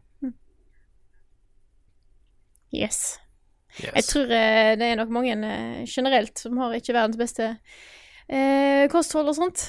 Det er alltid ting en kan forbedre. Trene og sånt, det. som jeg er så dårlig på. Åh, trene, det har jeg tenkt mange ganger at jeg skal begynne med. Ja. Ja. Sto utafor et treningssenter en gang. Gikk ikke inn, men det var nesten. The first step. Ja. Ja. Nei, men med det skal vi, skal vi ta og runde litt av her, da. Jeg har Ja. lyst til å eh, plugge at neste uke så er denne podkasten her live. Torsdag klokka sju på kvelden i Tønsberg og Færder bibliotek. Så det er bare til å, eh, å komme og høre på oss. Eh, så kanskje du har et spørsmål vi kan svare på live og sånne ting. Og du kan både se på oss og høre på oss, Ja, faktisk. Jo, ja. for da sitter vi Mm. der. Mhm. Så, eh, så, så det blir hyggelig. Jeg håper mange tar turen der. Det er alltid, alltid veldig kos. Det er det. Og så var det det andre dere skulle Er det ikke noe annet? Nei, det var ikke Nei. noe annet. Vi skal ikke ha noe AMA. Det bare tulla med Å det. ja, herregud. Det var en del av meg som tenkte OK, du skulle skru et eller annet. Herregud, jeg er der i dag, ja. Oi, oi, oi. Ja. Nei, jeg, jeg Ja. Hvis vi noen gang har en AMA, så er det ikke der. Nei. Nei, det er helt sant. Det var bare hele hjernen min sa- et- liksom kobla inn på at i stad når vi plugga podkasten, så sa du at dere skulle noe annet. Og da er jeg bare sånn Ja, OK, da skal jeg huske å si det etterpå. Eh, og glemte hva, at det faktisk var en joke. Så det, Mm. det, ja.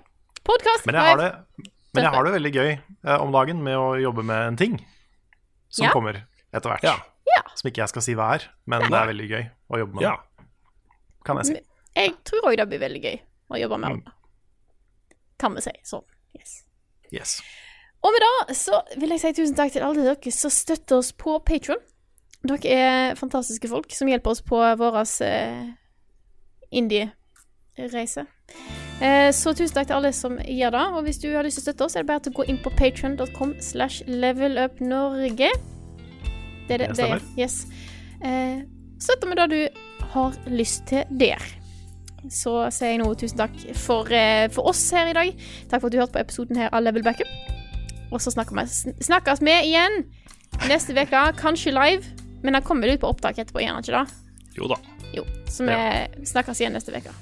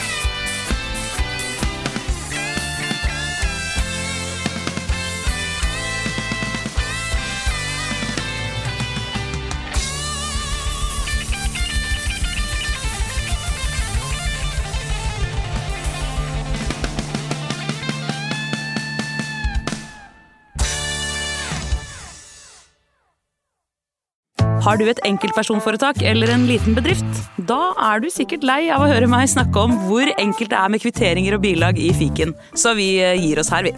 Fordi vi liker enkelt. Fiken superenkelt regnskap.